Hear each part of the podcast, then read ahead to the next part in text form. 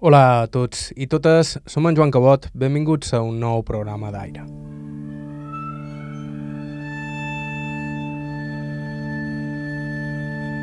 Com cada any, aprofitam la proximitat del 8 de març, Dia de la Dona, per reivindicar la figura femenina en la nostra història, una figura amb un pes més important del que sovint se li sol atribuir. En moltes ocasions, les dones no només duien la casa i criaven els fills en solitari, també eren una força de treball indispensable al camp i desenvolupaven altres feines. Treballadores, en molts casos no remunerades, clar, però treballadores al cap i a la fi. I els homes podien brevetjar el cafè, elles, en canvi, havien de quedar a casa. Les tímides passes cap a la igualtat en els temps de la República varen ser ràpidament contrarrestades pel nacionalcatolicisme del règim de Franco, que va marginar la figura femenina i castigar moral i socialment qualsevol sortida de la norma. En molts sentits, encara arrossegam tics atàvics i sobretot una situació anòmala en què les dones encara parteixen en clares desavantatges pel simple fet de ser dones. Avui escoltarem el testimoni de tres dones, totes tres excepcionals a la seva manera, sobretot pel seu caràcter lluitador de sacrifici i superació. Un caràcter que les va dur a reeixir en circumstàncies adverses per acabar convertint-se en tres exemples a seguir no només per a les generacions posteriors de dones, sinó per a qualsevol de nosaltres. Com cada any, celebram la dona, la mare, la filla i la germana, la companya i l'amiga. Estau escoltant Aire a IB3 Ràdio. Us parla Joan Cabot. Començam.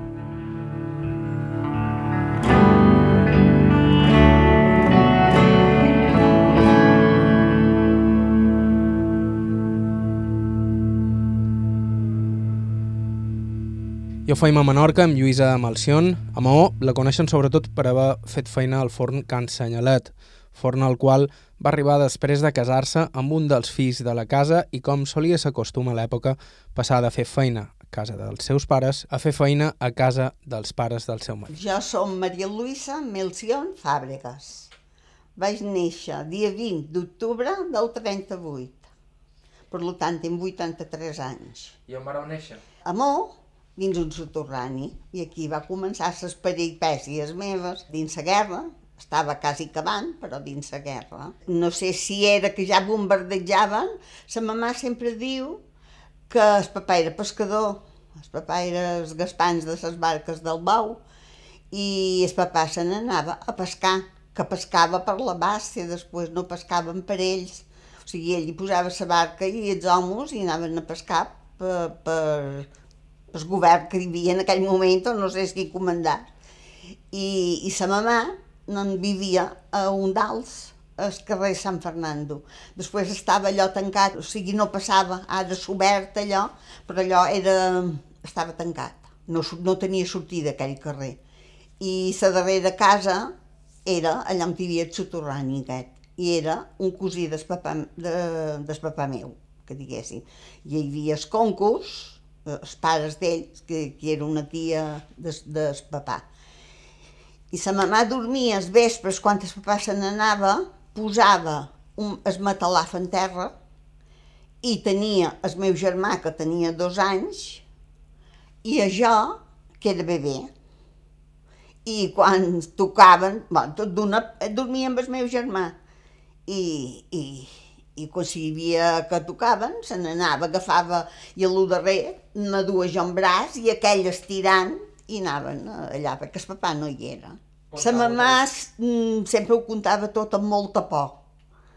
La mamà va passar molta por. La mamà, eh, eh, quan hi havia d'això que li diuen racionament i coses d'això, la mamà, com que tenien peix, anaven a baratar menjar amb peix eh, o sigui, compraven, anaven al camp i d'un puesto duen a lo millor un, una sobrassada, d'un altre un cantó de formatge, d'un altre una dotzena d'ous, i sa mamà estava embarassada i li he sentit contar sempre perquè havien de passar per filato i com que estava embarassada de jo, dua amagat aquí a sa panxa perquè dissimulava el que passava per filato. Diu, i por, diu, en tenia, no t'ho pots ni imaginar. Ara, jo que nostre no puc dir que fóssim una gent pobra perquè no ho eren. Això és la veritat, perquè El papà pescava, les barques del bou eren ells, van anar prosperant, i jo sempre he viscut, després de quan vaig anar d'aquí, mm, tenia cinc anys jo del carrer Sant Fernando i me vaig anar al carrer Sant Eulàlia. El papà havia comprat una casa, una casa com això, però ell era tot, els baixos, el primer pis i els porxos. I, i tenia, van tenir una casa en quarto de bany, en aquell temps que t'he dit ja i tot, o sigui, jo no és que hagi passat perquè els doblers, antes de gastar-los, hi donaven tres voltes, però no, no he estat una d'aquestes que hagi tingut molta penúria, no. Ara gana de moltes coses, sí que ets passades eh, en vestits de racionament i tot això, gràcies a tenir un tros de pa. I això va ser molt d'anys, el racionament i tot això. Però bueno, després també me'n record que una vegada, quan anava, eh, devia anar a, a, a, a, a, a, el que ara diuen primer, no sé, no era pàrvules, però encara anaven, anava a escola aquí i la mestressa diu perquè hi ha, molt, hi ha molta fam, ha passat, passat molta fam i, i, i ara no, no, no hi ha patates. I jo li contest, a que no en tenim un sac dins el rebost. Aquella senyora en sol de mà va venir a cercar patates a que nostra. Me van donar una tunda a ma màquina molt pigadora perquè va venir a cercar patates, que nostre diu, bueno, ton pare ho ha baratat amb el peix, nosaltres això és per passar, i m'entens? Vull dir que jo he viscut, no he passat fam, però maniobres d'aquestes sí que n'he viscut. Com era de caràcter la vostra mare? Deies uh, que era... Era un, el sargento, el sargento. Feies una endemesa i t'encalçaves a sabat i pujaves dos pisos més de veres que tu. Més de veres. Jo no pujava tant a veres com ell en sa sabat en sa mà. El meu germà era Suni Barón. Sa mamà era el rei de la casa, allò. Nosaltres tots els tres passàvem pel tubo. Això me va fer passar un pan, anaven a comprar.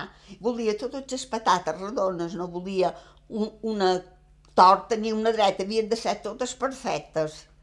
Ella, veureu-la fer un parol d'obresínies, era un portento, perquè damunt en guard, jo aquí feia feina, després ja de, de gran així, i tenia casa, col·locàvem una perfecció allò, tot, i, i el tombava, i si, si aquí no quedava bé el baratava, una cosa que havia d'anar a un museu, aquell parol de fort, que m'entens?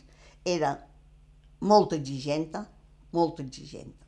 Sa mamà era de Mercadal i quan era petita van venir també eh, eren forners i van agafar un forn en el carrer del Carme, que ja no existeix el forn, ju, just el nombre dos del carrer del Carme. I va tenir cinc, cinc fills, que que són, dama. La mamà era la gran, després la tia Maria, després el concum Miquel, després Tímio i el, i l'Eutimio, cinc. I no, i el concum Perigo, sis. Sis fills tenien. I al final només n'hi va haver el fill gran que fos forner. I va anar a fer feina a una altra banda perquè ho van llevar, això. bueno, ja no sé quan... Però eh, ella, eh, ella havia fet feina eh, eh, de, de bisuteria just molt pocs anys, perquè després es va casar i ja no va anar a fer, a fer res de feina. Son pare va ser pescador per herència familiar. El padrí ja ho era, i també ho van ser tots els seus fills. Tots van anar a pescar, però l'avi meu va fer 17 anys paralític. I, i Sàvia era molt petitona, molt valenta ella, però petitona, i clar, i estava morta aquella dona, de, de, perquè ell demanava, tot tremolava, ah, tenia Parkinson, molt exagerat, i, i, i, i l'arrastrava. Per això, es, quan anaven a, a, a cobrar els mariners, diumenge allò, allà s'hi trobava el barber que pelava l'avi, eh, eh, vull dir, la pentinadora que feia un monyo sàvia, tots els fills, els nets, tothom acudia allò, era una pinya, saps? Jo, tots els mariners han vingut quan jo me vaig casar i, bueno, com que jo ho he viscut d'una manera tan natural, és que no he vist res més, saps què t'ho vull dir? Era... arribaven i, i tothom en sa saneta, eh, a l'hora que, que arribava, i El papà se coneixia el fondo de la mà, sap allà on hi ha un clot, sap allà on hi ha un bony, i a vegades de tan confiat era quan perdia un bou, però era perquè hi havia hagut a lo millor una tramuntanada, una cosa, hi havia hagut una variant. Però papà, set senyes i això era un, algo. Sa mare era ibicenca, del papà, i, i l'avi, me pes que era mallorquí. Però fem, ja eh, els pares d'ells ja eren aquí, de rebesavi, o sigui que de molt d'anys. La família meva va arribar a tenir tres barques del bou. El que clar eren quatre germans que hi feinaven, eh? Ell, quan dormia, nosaltres eren quatre fills, però no hi podia haver ni una gota de renou. Era, era nerviós, molt massa responsable de la feina, eres gran, era un home molt intel·ligent, que els professors van anar que, que li donassin carrera i l'avi meu va dir que no, que ell tenia quatre, cinc fills i que si ho donava un ho havia de donar tots. Ell el que tenia era barques i havien d'anar a pescar. I el papà va exercir de gran i... i... Però els dies que, que sortia una tramuntanada, que antes les tramuntanades duraven vuit dies, però vuit dies que t'havies d'agafar per anar al carrer, no com ara, no. I perdien un bou, que és el de pescar, de rastre, valia una fortuna, allò els dies que el papà perdia un, un de so, estava tres dies quasi que no ratllava, i nosaltres amb una renou no feien ni, ni renou, de, de, de, perquè se posà, estava nerviós, descompost de tot, perquè era, eh, o sigui, ells, els pescadors, ells van, van a la part, o sigui, se, quan pesquen, eh, sabent el peix, i, i apunten cada dia el que fan de doblers. I després fan tres parts, una per la barca, una per patró i una per, per, per, per qui fan feina. I el papà, clar, si perdia era... A lo millor ja quedaven no una setmana, no millor és un mes que no guanyaven res, m'entens? I això, el papà era una cosa, perquè eren anys que tothom estava malament. Quan estava tranquil, ja t'he dit que sempre ha estat un home molt llegidor, molt llegidor, molt, molt llegidor, no te pots imaginar que el meu germà anava a los hermanos i també en donava francès i quan dinaven ells dos, el papà li feia fer un pot de pràctiques de, de francès. Ara, a les dones considerava que no se'ls havia d'ensenyar més que l'ú de casa. Nosaltres totes sabem cosir, brodar i això totes però érem dones, eh? Papà amb això era molt machista. Trobava que això de donar carrera a una dona, pel amor de Déu. Clar, el papà tindria cent i molt d'anys, però així tot, el papà ho, ho era molt. Mm, jo reconec que sí. I vos vareu estudiar? Éreu bon estudiant? No, jo no, perquè me vaig posar a festejar que tenia 14 anys i en els 20 me vaig casar. I l'únic que vaig fer és, sa mamà va començar a estar malalta, i jo es pot dir que em gombolava, era la que gombolava més, més a la casa. És a dir, que jo era com la Cenicienta, sempre dit igual. Quan jo me vaig casar va quedar l'altra, que també, vull dir, no, no te, elles van anar a escola a més anys, però jo crec que jo, dels 12 o 13, ja no hi vaig anar més, no, eh? Però també llegia molt, el papà, el papà sempre, sempre barrellar i amb tot, li agradava molt la sarsuela i quan venia a companyia mos dues la sarsuela, vull dir que tenia les seves coses. Perquè quins horaris feia el vostre pare? Uf, el papà era capaç de si, per exemple, ara, per exemple, ha fet una setmana de tramuntana, el papà era capaç de fer tres dies seguits de feina. No t'ho pots imaginar una cosa com allò, per això t'he dit que li que es dia que no li havien de donar calma a la força. El papà sempre mos conta que ell, quan era jove, eh, anaven amb una trainera que anaven al rem. Ahir anava eh, a rebassar-hi qui manava estimó. I ja hi havia l'avi meu qui, qui remava amb els altres. I després van seguir eh, amb el papà encara el papà meu va anar al rem antes de tenir sa, barca i sempre diu, partien de molt remant, calaven i quan tornaven a llevar, llevar si el temps era bo, per exemple, anaven a els canotells, descarregava el peix i el papà se n'anava, posaven el peix dins com unes tines, en les tines a, a coll corrents, a dus peix fins a Mó, a vendre tornava a partir, se tornava a embarcar i tornava a pescar, si feies nit, dia.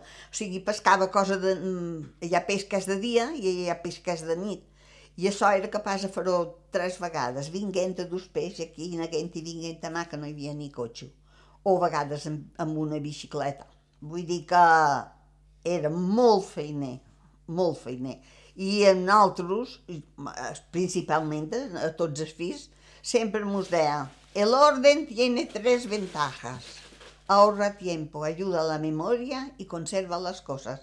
I que que se'l ten clavat aquí els meus fills, encara diuen, ai, nosaltres no m'assemblàvem a tu. I dic, jo vos hi he ensenyat igual que, que me van ensenyar jo. Vol dir que, si no ho sou, la culpa no és meva.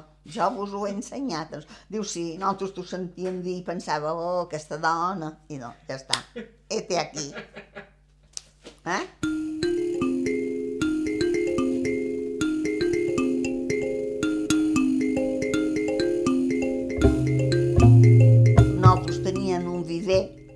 A l'altra banda d'esport, que, que tenien dos estudis, un menjador cuina i una buga, una, un puesto que hi havia vàter i, i un de so per rentar i no hi havia res més.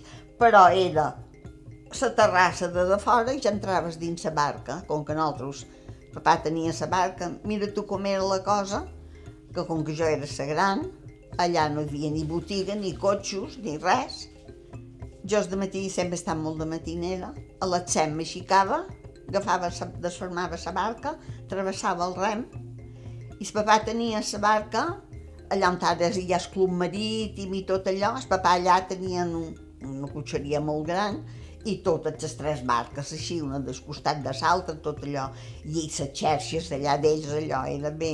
Jo formava la barca, pujava per unes escales que hi havia que ja no existeixen, que era per club marítim, que passaves així, i passaves per dins una sígnia. Me n'anava, comprava pa, me n'anava a nostra i li feies bocadillo un papà, li dues a pescateria es berenar, el papà allà me deia, Luisa, avui jo, jo agafaré la barca, has d'agafar en Reiners. En Reiners era un, eh, eh, li diuen encara a la costa d'en Riners i tot, eren unes barques de lloguer que travessaven a l'altra banda, passaven cada hora, cada hora passaven i feien tota, tota l'altra banda la feien tota, de Sant Antoni, tot. I, i me deia, avui mm, mm, jo, jo ja me'n vaig a no sé què, i pots agafar la barca. Jo els dia que me n'anava, tornaven per allà mateix. Però després van desdonar el papà, qui me deia les ordres, me n'anava el cap del camí castell, allà ve ran de vostra plaça del príncep, hi ha una floristeria, allò era una letxeria. Me duia una letxera plena de llet. Després me n'anava, ja havia comprat el pa per dos berenars papà, i després anava a la plaça. No hi havia nevera, no passava gel allà, entri, entri, el papà si pensava o venia bé o això mos du un tros de gel, però perquè el papà no tenia una hora determinada ni un de això. I, i, de, i de jo, en, sa, en sa, tot això que dit, que es passa llet i se sanar, de baixava en esport. Si me tocaven el rem, tornava a passar el rem. Si me tocaven a Can Reinés, de baixava per l'altra costa i, i anàvem, i travessàvem en Reinés hora de que sa mama donava permís per anar nedar amb els amics, que tothom nedava. Eh, bueno, eh, allà hi havia, clar, hi havia molt, molt de, de... Jo tenia cosina i cosí, però els que estaven enmig només hi havia un, un vider buit, també estava un vider, el concomeu, aquest. I, do, i eren germà i germana, mos deien el cosinet i la cosineta, encara. El cosí el meu germà ja, ja anava a fer feina, el meu cosí es, li, va, li van donar carrera, que no va exercir mai, i la meva cosina va ser la professora que jo anava a cosir. Ella va, va estudiar corte i confecció i jo vaig anar a, a cosir, me feia tota la roba i me vaig fer tot la dot i, i, i això era la meva vida i m'ho reuníem i feien unes xalades perquè jo que sé. I un dia, un veí, eh, que li deien el senyor Cavaller, que eren els cavallers que tenien a la costa de la plaça un, supermerc un supermercat, no, un colmado, que era allà on es venien les delicatesses. En aquell temps no hi havia ningú més que ell, i era gent rica, tenien un xalet molt guapo, i perquè nosaltres érem casetes petitones i mos agafava tots els al·lots, ells només tenien una fia i mos dua a nedar a mesquí de peu i allò era una festada nosaltres sabíem que es, teníem un dia que, que mos duen a la mesquida i partien tots els trajes de bany, toadoles, la bossa d'esbaranar, això. I, I acabat d'això, s'havia acabat la festa per això, que diguessin. A la meva cosina, jo ja festejava i ells atravessaven el conco era molt ballador, i el meu germà se n'anava amb el cosí i la cosina a ballar en el club marítim. Però jo no, perquè jo festejava i el papà no concebia que jo me n'anegués amb els cosins en què fos per anar a seure i mirar la música. I com que el meu nòvio era forner... Eren els records de Lluïsa Malcion, nascuda el 1938, en ple bombardeig a Maó, Menorca. En uns segons escoltam la segona veu del programa d'avui. Estau escoltant Aire i Vedra Ràdio, fem una breu pausa i continuem.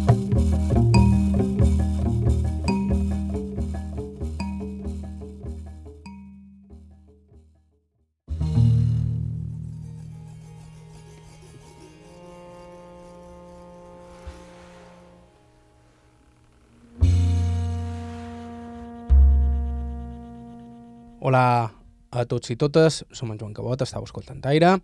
Avui amb el nostre homenatge anual a les dones que han passat pel programa aprofitant la proximitat del 8 de març. Fa una estona escoltàvem la menorquina Lluïsa Malcion, nascuda el 1938 a Maó, i protagonista del nostre programa número 183 que trobareu, com tot el nostre arxiu, a Spotify, Apple Podcast i qualsevol dels altres agregadors que hi ha disponibles. La següent protagonista és mallorquina d'adopció, però valenciana de naixement. En tot cas, l'arquitecte Neus García Iniesta ha duit a terme tota la seva carrera professional a les nostres illes, on va arribar de la mà del seu company i marit Guillem Oliver. Ella va ser una de les primeres dones arquitectes d'Espanya, quan aquesta encara era una professió exclusiva i exclusivista. Neus García va néixer a... A Petrer, província d'Alicant, en 1945. Mon pare era mestre, mon mare també era mestra. Mon mare de, pàrvol, de, de pàrvols i mon pare de, en aquells moments, els homes, els mestres, agafaven els nins en la primera edat que, des, que, que arribaven de, dels pàrvols i després els acompanyaven fins en el final. Després tornaven a agafar els mateixos, era un sistema... Si eres un molt bon mestre era fantàstic, si eres mal mestre pues, era terrorífic els alumnes. Tots dos eren molt entregats, perquè passa una cosa, jo ho he vist en mi mateixa i en tota la gent que he conegut que té un ofici. Si estimes molt, si ets una apassionada de lo que fas, com a mínim ho fas bé. Si a més eres bona en el teu ofici, pues ja ho fas beníssim. Però si estimes el que fas, ho fas bé. Com eren de caràcter, aquests Completament diferents completament diferents. Mon pare era, era una espècie de, de professor d'universitat en el mateix temps que un poc savi i un poc eh, capellà, perquè soltava uns sermons llarguíssims, era molt intel·ligent i la gent la, el respectava moltíssim, és dir, el que deia ell, eh, anava a missa, com se deia antes, no? A ell anaven a demanar-li que feien amb eh, el seu fill, que feien... És dir, que, que li donàs consells per, per moltes de coses. Sí. I ell tenia un caràcter molt, molt serio, molt recte, molt auster en tot i molt familiar. És dir, jo me'n record que anàvem plegats, tot quatre, jo tinc un germà, i tot quatre anàvem plegats a tot. És dir, eren com la família... Hi havia una família Pepe, que en aquell temps hi havia un TVO, se deia la família Pepe, i anaven tot plegats, doncs nosaltres eren el mateix. Ell no anava mai, mai de la seva vida a anar a un bar, ni a un restaurant. Jo, jo vaig ser la primera que, que els duia a restaurants, i el meu germà també, quan ja van tenir la nostra família cada una. Però ell no anava, no se gastava un duro que no fos en benefici, dirien, de la seva família, sobretot dels, dels seus fills. I ma mare era tot el contrari, era l'alegria de la huerta. Ma mare tenia, era parvulista, tenia 100 nins en pàrvuls i tu entraves allà i no senties res, perquè el que veies era com un munt de capets, com si fossin ocellets, en sa boca oberta i escoltant ma mare que els hi contava cuentos, en els que estava, introduïa el llenguatge, introduïa la filosofia, introduïa totes les ensenyances que volia que fessin, les introduïa en forma de cuentos. I 100 personetes en sos ulls plens de màgia. Era increïble. Clar, a ella no és, no és que la respectaven, ella l'estimaven. Era completament distint. I li donaven ses gràcies. La, la, la, contínuament, quan jo anava amb ella, l'aturaven pel carrer i deia, ai, doña Laura, moltíssimes gràcies perquè el meu nin era molt jo tenia problemes, i el seu, seu carinyo i com la paciència que ha tingut l'ha aconseguit. És dir, eh, eren dues persones molt eh, respectades, en dos caràcters completament distints, però complementaris, és dir, el que no tenia un tenia l'altre i viceversa. Criar-se amb ma mare era molt fàcil, perquè era una madraza, no? D'aquestes que, que, que, que fan tot, i a més són mestres. en aquell temps les dones no eren la meitat aquí la meitat allà, sinó que les dones tenien que ser d'ama de casa, de mare, d'esposes, i si a més tenien una feina fixa, dirien, o, un, o una carrera, pues, a més exercien, com vaig fer jo, quan vaig acabar, igual. I mon pare era un lletreferit, és dir, una persona amb un coco impressionant, que destacava molt entre la forma de pensar, diríem, general, perquè ell no se tragava tot, sinó que cada cosa la pensava i després la investigava i després encara la pensava i després tenia un criteri personal. Mai, mai era el criteri d'aquest grup o d'aquest altre grup o d'aquest altre grup. I això, clar, me va ensenyar moltíssim a que l'ordenador que tenim com a servei els únics que l'han de manejar són nosaltres. N'han de deixar que ningú els manegi. Quan va ser l'hora de que els dos fills de la família es formessin, els pares de Neus García van decidir abandonar Petré i traslladar-se a Madrid, una decisió transcendental li permetria, amb el temps, posar-se a estudiar arquitectura. Va ser un tema de que el meu germà va haver d'anar a les jesuïtes, diríem, per començar els estudis, perquè allà a Petrer no, no hi havia res, i ni a, a Hilda tampoc, és dir, i se'n va anar intern. I clar, no hi havia duros suficients per a mi, a més, tampoc hi havia de dones, els dies que llavors les dones, l'única carrera que feien era ser de mestre, però hi havia poquíssimes carreres que, que fessin les dones. I llavors és mon pare, fixa't, mon pare, va ser el que va lluitar perquè me n'anàssim a Madrid, per poder, perquè jo pogués estar en igualtat de condicions que el meu germà i pogués fer la carrera que volgués. I vam fer un sacrifici perquè allà no és que te digui que fossin els reis, però eren unes persones molt respectades i era per sentir-se bé, diríem. Teníem, eh, mon mare tenia moltes d'amigues, moltes d'amigues. Mon pare no, perquè mon pare tenia sa família, és dir, mon pare era sa família. No tenia ni, ni un amic perquè no se volia, és dir, no, no se necessitava, no?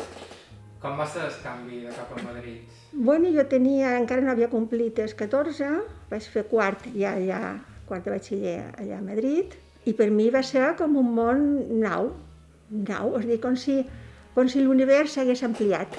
Tenia una cosa molt clara, molt clara, molt clara, molt clara. Jo vaig tenir sempre, sempre claríssim que, que volia estudiar per una raó, perquè jo, mon pare me deia sempre, doña, ¿por qué? jo necessitava sebre, és dir, per mi el gust de sebre, de conèixer, de, de sabre's per què la vida, de sabre's per què tot, tot, tot, tot, tot, tot. Jo necessitava el per què i per a què, no? És dir, el principi i el final.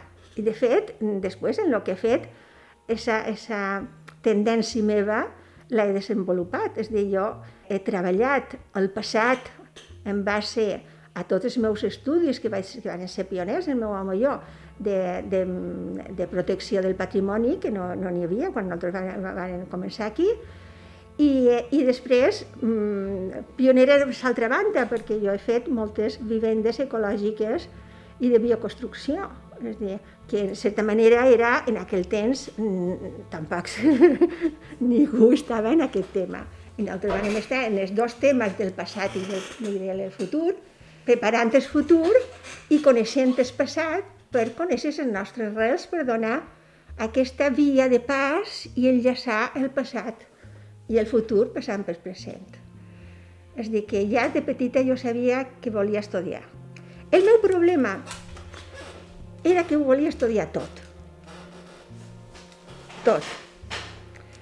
I clar, jo volia estudiar història, jo volia estudiar arqueologia, jo volia estudiar medicina, jo volia estudiar, jo volia estudiar tot. És dir, jo tenia una mentalitat de l'època del Renaixement, que tot s'englobava i tot s'estudiava. Era la meva mentalitat. I, va ser quan jo vaig conèixer a Leonardo da Vinci, quan jo me vaig donar compte, perquè tothom me deia, és que encara no saps, això és que encara no saps. Tu és que estàs embullada, ja, ja ho sabràs. No, però jo ho sabia. Jo, jo volia comprendre comprendre el món des de tots els àmbits. Això és el que jo volia, i això ho tenia claríssim. No volia només tenir una visió del món. Jo volia tenir moltes visions, des de jo cap al món i des del món cap a jo, i que envoltàs tot i, distint, i tots els distints aspectes per entendre-lo, perquè si no, de certa manera no l'entens. Només amb un llenguatge, només amb una formulació de lo que ha de ser el món, perquè de, que depèn de, la teva, de la teva preparació i de la comunitat a la que perteneixes i de la religió que tens i de, i de, de tota la cultura, dirien, d'aquest país, veus el món d'una manera. Necessites veure-lo des de totes les religions, des de, tots les, de tot el món, per veure el món en conjunt. I jo volia veure així. Clar, això era molt difícil de triar, perquè allà te deien ¿qué quieres más a tu padre o a tu madre? Es dic, se feia de, de petita, en, en, el meu temps se deia, què, què vols més? Què t'estimes més, a ton pare i a ta mare? I jo me posava histèrica i deia, per què tenc que triar? Jo el, el, el, el seu a tots dos. Pues jo ho volia tot. I, claro, quan jo vaig, vaig conèixer a Leonardo da Vinci, vaig entendre què és el que jo volia. I llavors vaig entendre que si jo me feia arquitecta, Foria, Forias era la, la carrera que més englobava tot. Déu va ser el gran arquitecte. I els arquitectes des del Renaixement eren arquitectes, eren pintors.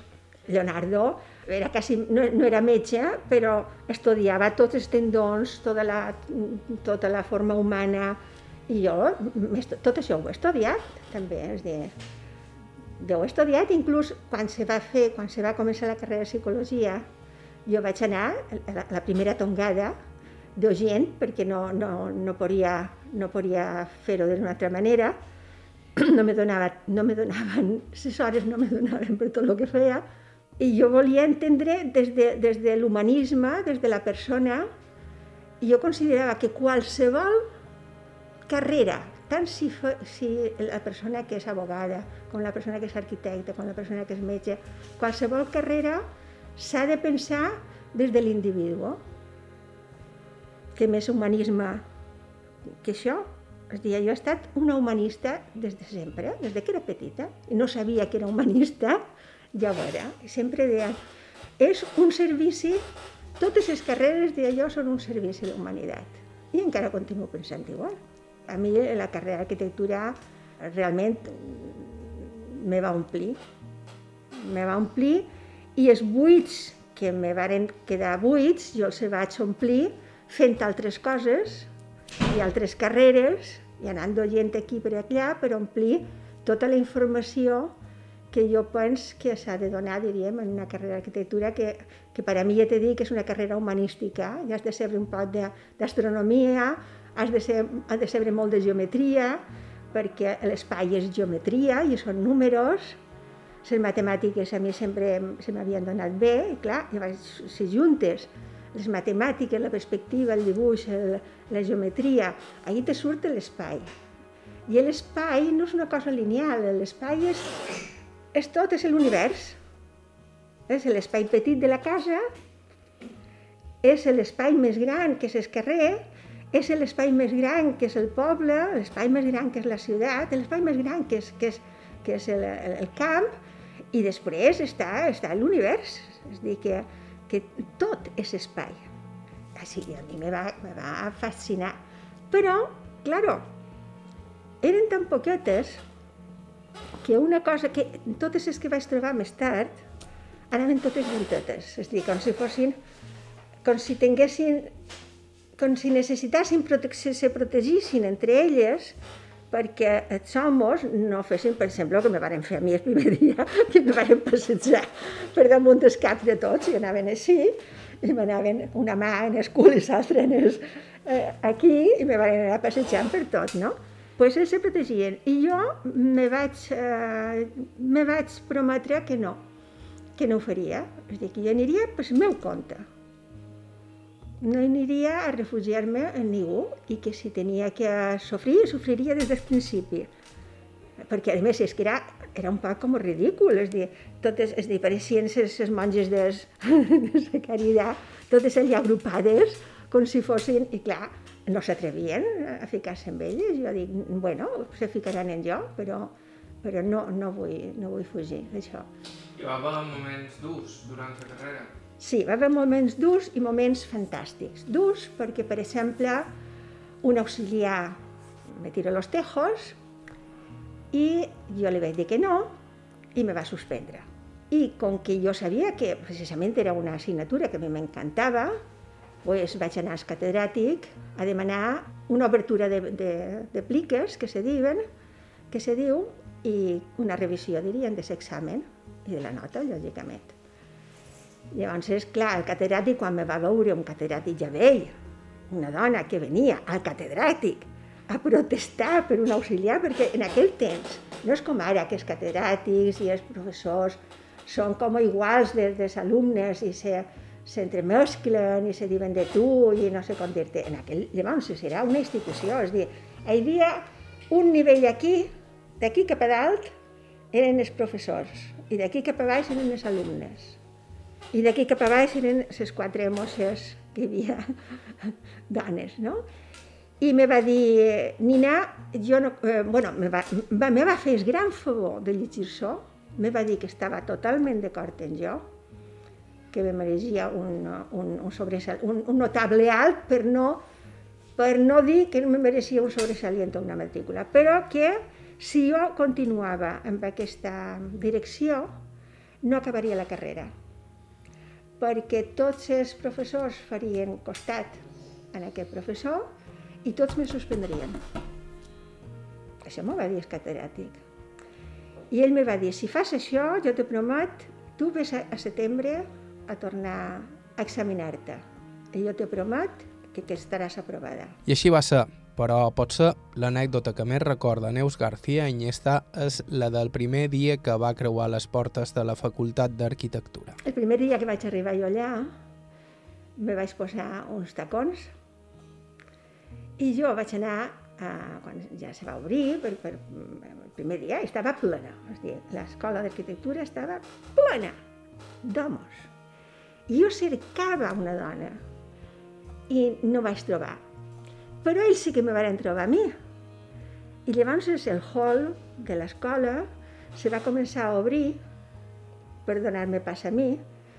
Jo tota nerviosa en les cames que me, que me tremolaven, vaig anar mirant allà a veure si, si entrava més, més cap endins podia trobar una dona i quan vaig estar enmig me varen tremolar tant les cames que me vaig caure me varen agafar entre tots els mans i me varen anar passant per tot, per tot el hall. Tu t'imagines? T'imagines? És dir, tots divertidíssims, com si fos una pilota, entens? Jo, pues mai en la meva vida he duit tacons. Perquè, no, perquè jo havia d'anar en els puestos amb les cames ben fermes i no m'havia de tornar a passar que me fallassin, diríem, els peus, no? Pues mai he duit tacons. Era Neus García Iniesta, arquitecta, segon testimoni d'aquest programa especial dedicat a les dones que han passat recentment pel programa. Encara ens queda una veu més. Fem una breu aturada aquí a Aire, tornem en uns segons.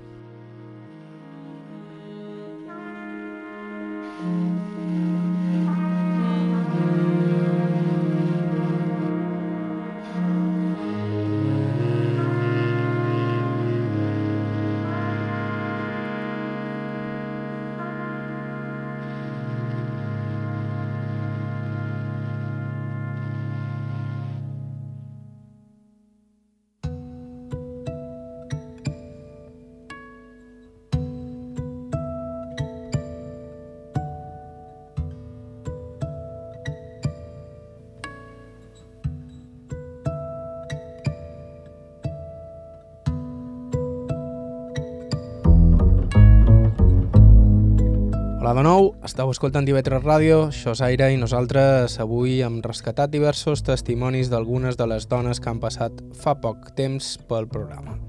Tres exemples de com de difícil era ser dona un temps i com de difícil continua encara sent-ho avui en dia. El nostre darrer testimoni és l'entranyable i meravellosa Maria Lluïsa Armenguer, de nou nascuda lluny de les Illes, a Barcelona, però menorquina d'adopció. De fet, a Ciutadella va obrir una llibreria i ha estat la impulsora de la protectora d'animals, algú actiu i compromès a estones incòmode en la vida del poble.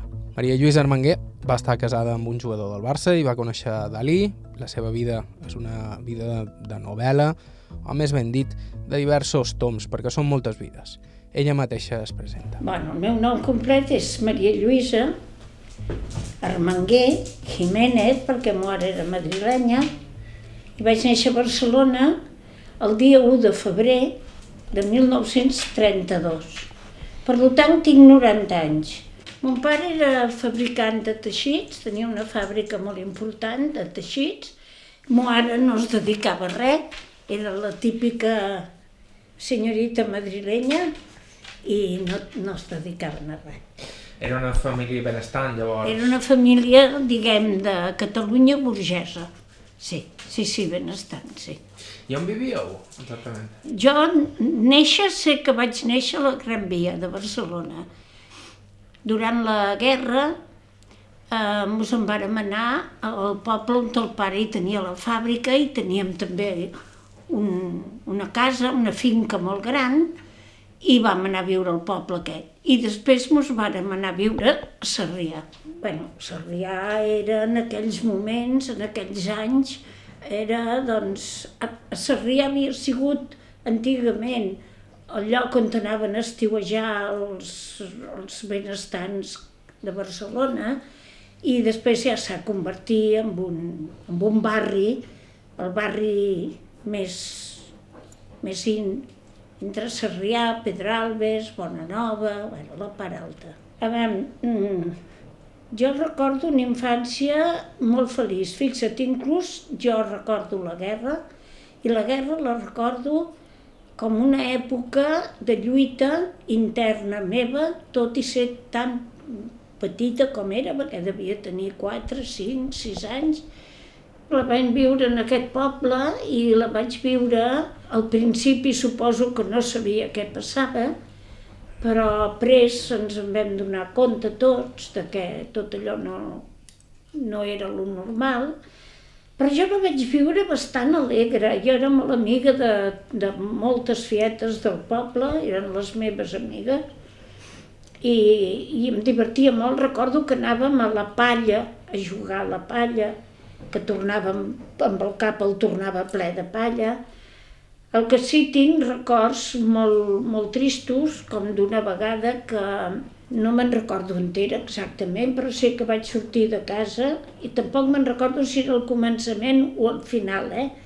però hi havia un soldat mort a terra i això em va impressionar molt. A casa meva, com que era la casa més gran del poble, hi havia les oficines.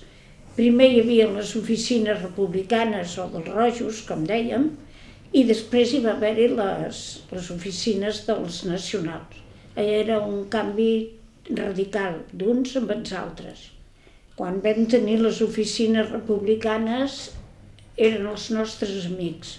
A jo me van ensenyar a llegir, hi havia un dels que vivien en la casa allà a nostra, hi havia unes oficines molt grans, un era un mestre d'escola i de Girona i aquest em va ajudar a ensenyar a escriure, ai, a llegir.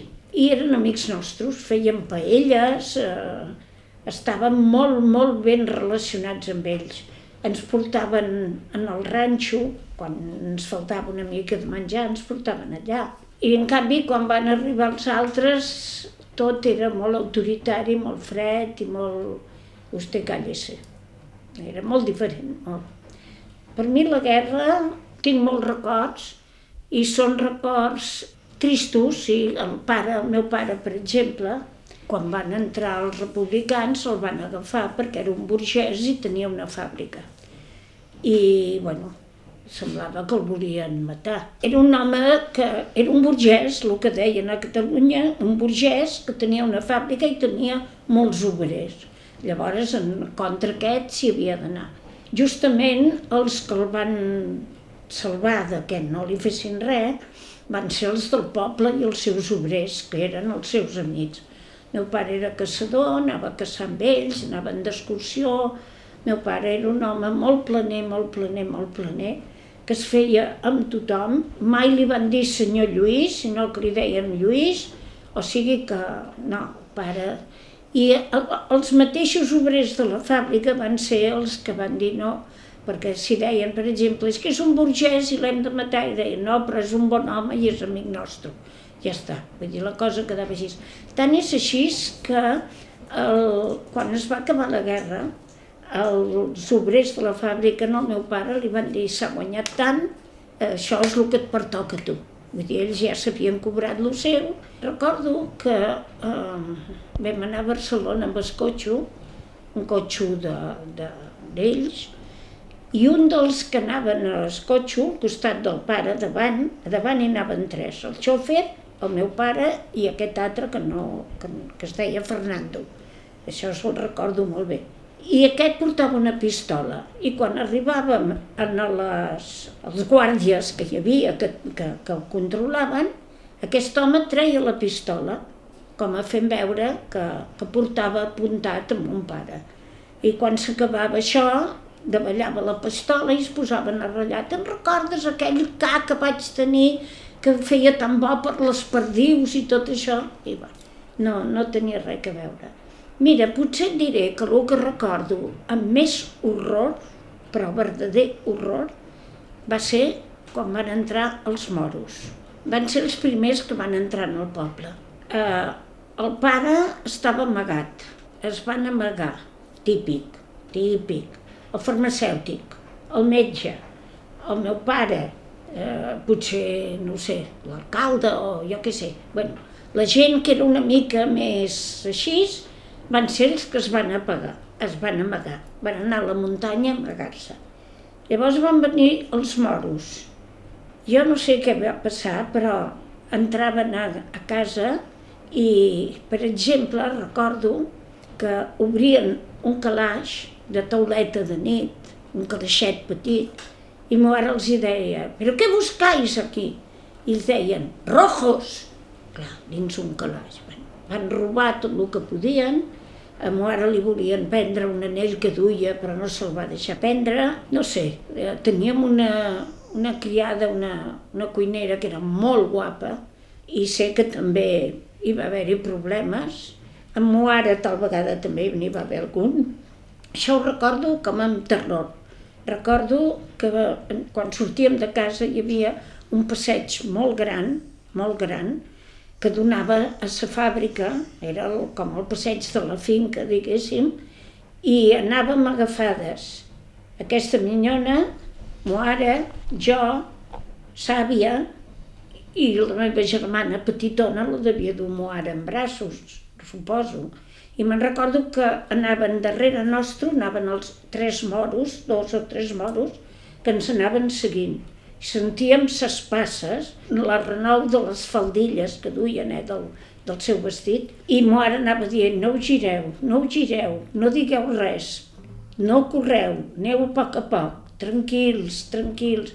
I mo ara ho va anar serenant tot, i bueno, vam arribar fins al poble mm, bé, però eh, quan ho recordo, recordo molta por molta. Va ser de Santpedor que Maria Lluïsa Armenguer va conèixer el seu home, el futbolista Jordi Vila, que acabaria formant part de la llegendària davantera del Barça de les cinc copes. El meu home va començar el futbol en aquest poble que et dic que estàvem, que va ser quan jo el vaig començar a mirar, era molt guapo, molt guapo, i, i bueno, i va començar de futbolista en el poble, d'aquest poble Sant Padó, que és el poble que hi vivia en Guardiola també, se'n va anar jugant al Manresa, del Manresa va anar al Badalona, del Badalona el va fitxar al Barça, quan jo em vaig casar jugaven al Barça, en el Barcelona. Era el delanter centre, va ser el que va marcar més gols en la temporada de les cinc copes, o sigui, era molt bon delanter centre. La delantera era Bassora, César, Vila, Moreno i Manchón. El que passa que després el, el Serrat, perquè li rodolessin bé el, les notes, la cançó, va canviar el Vila per, per un altre. Bé, això és el de menys. Era molt bon jugador, era super guapo, llavors jo em sentia molt contenta de ser la... El que passa que en aquella època els meus pares no els hi feia cap ganes de que jo sortís amb ell segurament aspiraven a un altre estil de, de persona. En aquella època els futbolistes no eren rics, en aquella època els futbolistes no havien estudiat, en aquella època els futbolistes bueno, pues eren només això, futbolistes. I tot i que el meu pare era molt aficionat en el Barça, bueno, pues jo sé que no, no els agradava. Jo sortia amb ell, sortia d'amagat, i al final vaig decidir que si no em deixaven casar, doncs me n'anava de casa. Aquesta era la meva, la meva idea. Però bueno, al final van dir que sí i em vaig casar. Quan la meva mare es va donar compte que estava enamoriscada d'un noi del poble de Sant Padó, d'un forner, que no, això no els agradava tant, d'un forner no, perquè feia de mecànic.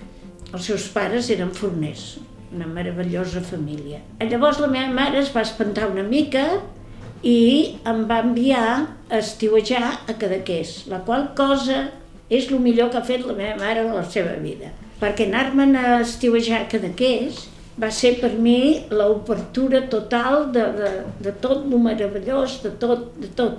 A veure, era, com jo t'explico, l'època del bolero. En Dalí era molt amic de la família Llavors ell no hi vivia ja, ja, ja estava amb la gala, però venia.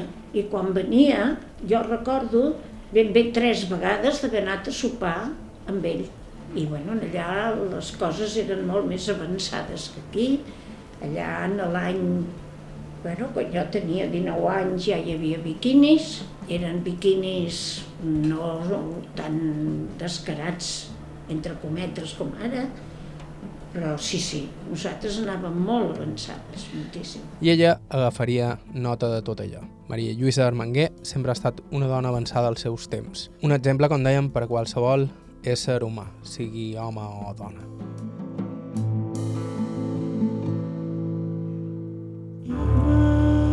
I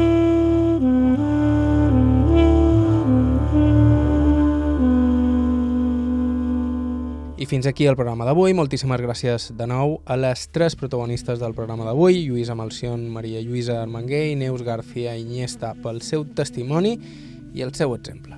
Si ens voleu proposar alguna entrevista ho podeu fer a aire.ivetresradio.com. Avui hem fet servir la música de Joshua Abrams, Marisa Anderson, Jaume Comte i Charles Rumbach. Bàrbara Ferrer, la producció executiva, vos ha parlat Joan Cabot. Gràcies per ser a l'altre costat i fins la setmana que ve.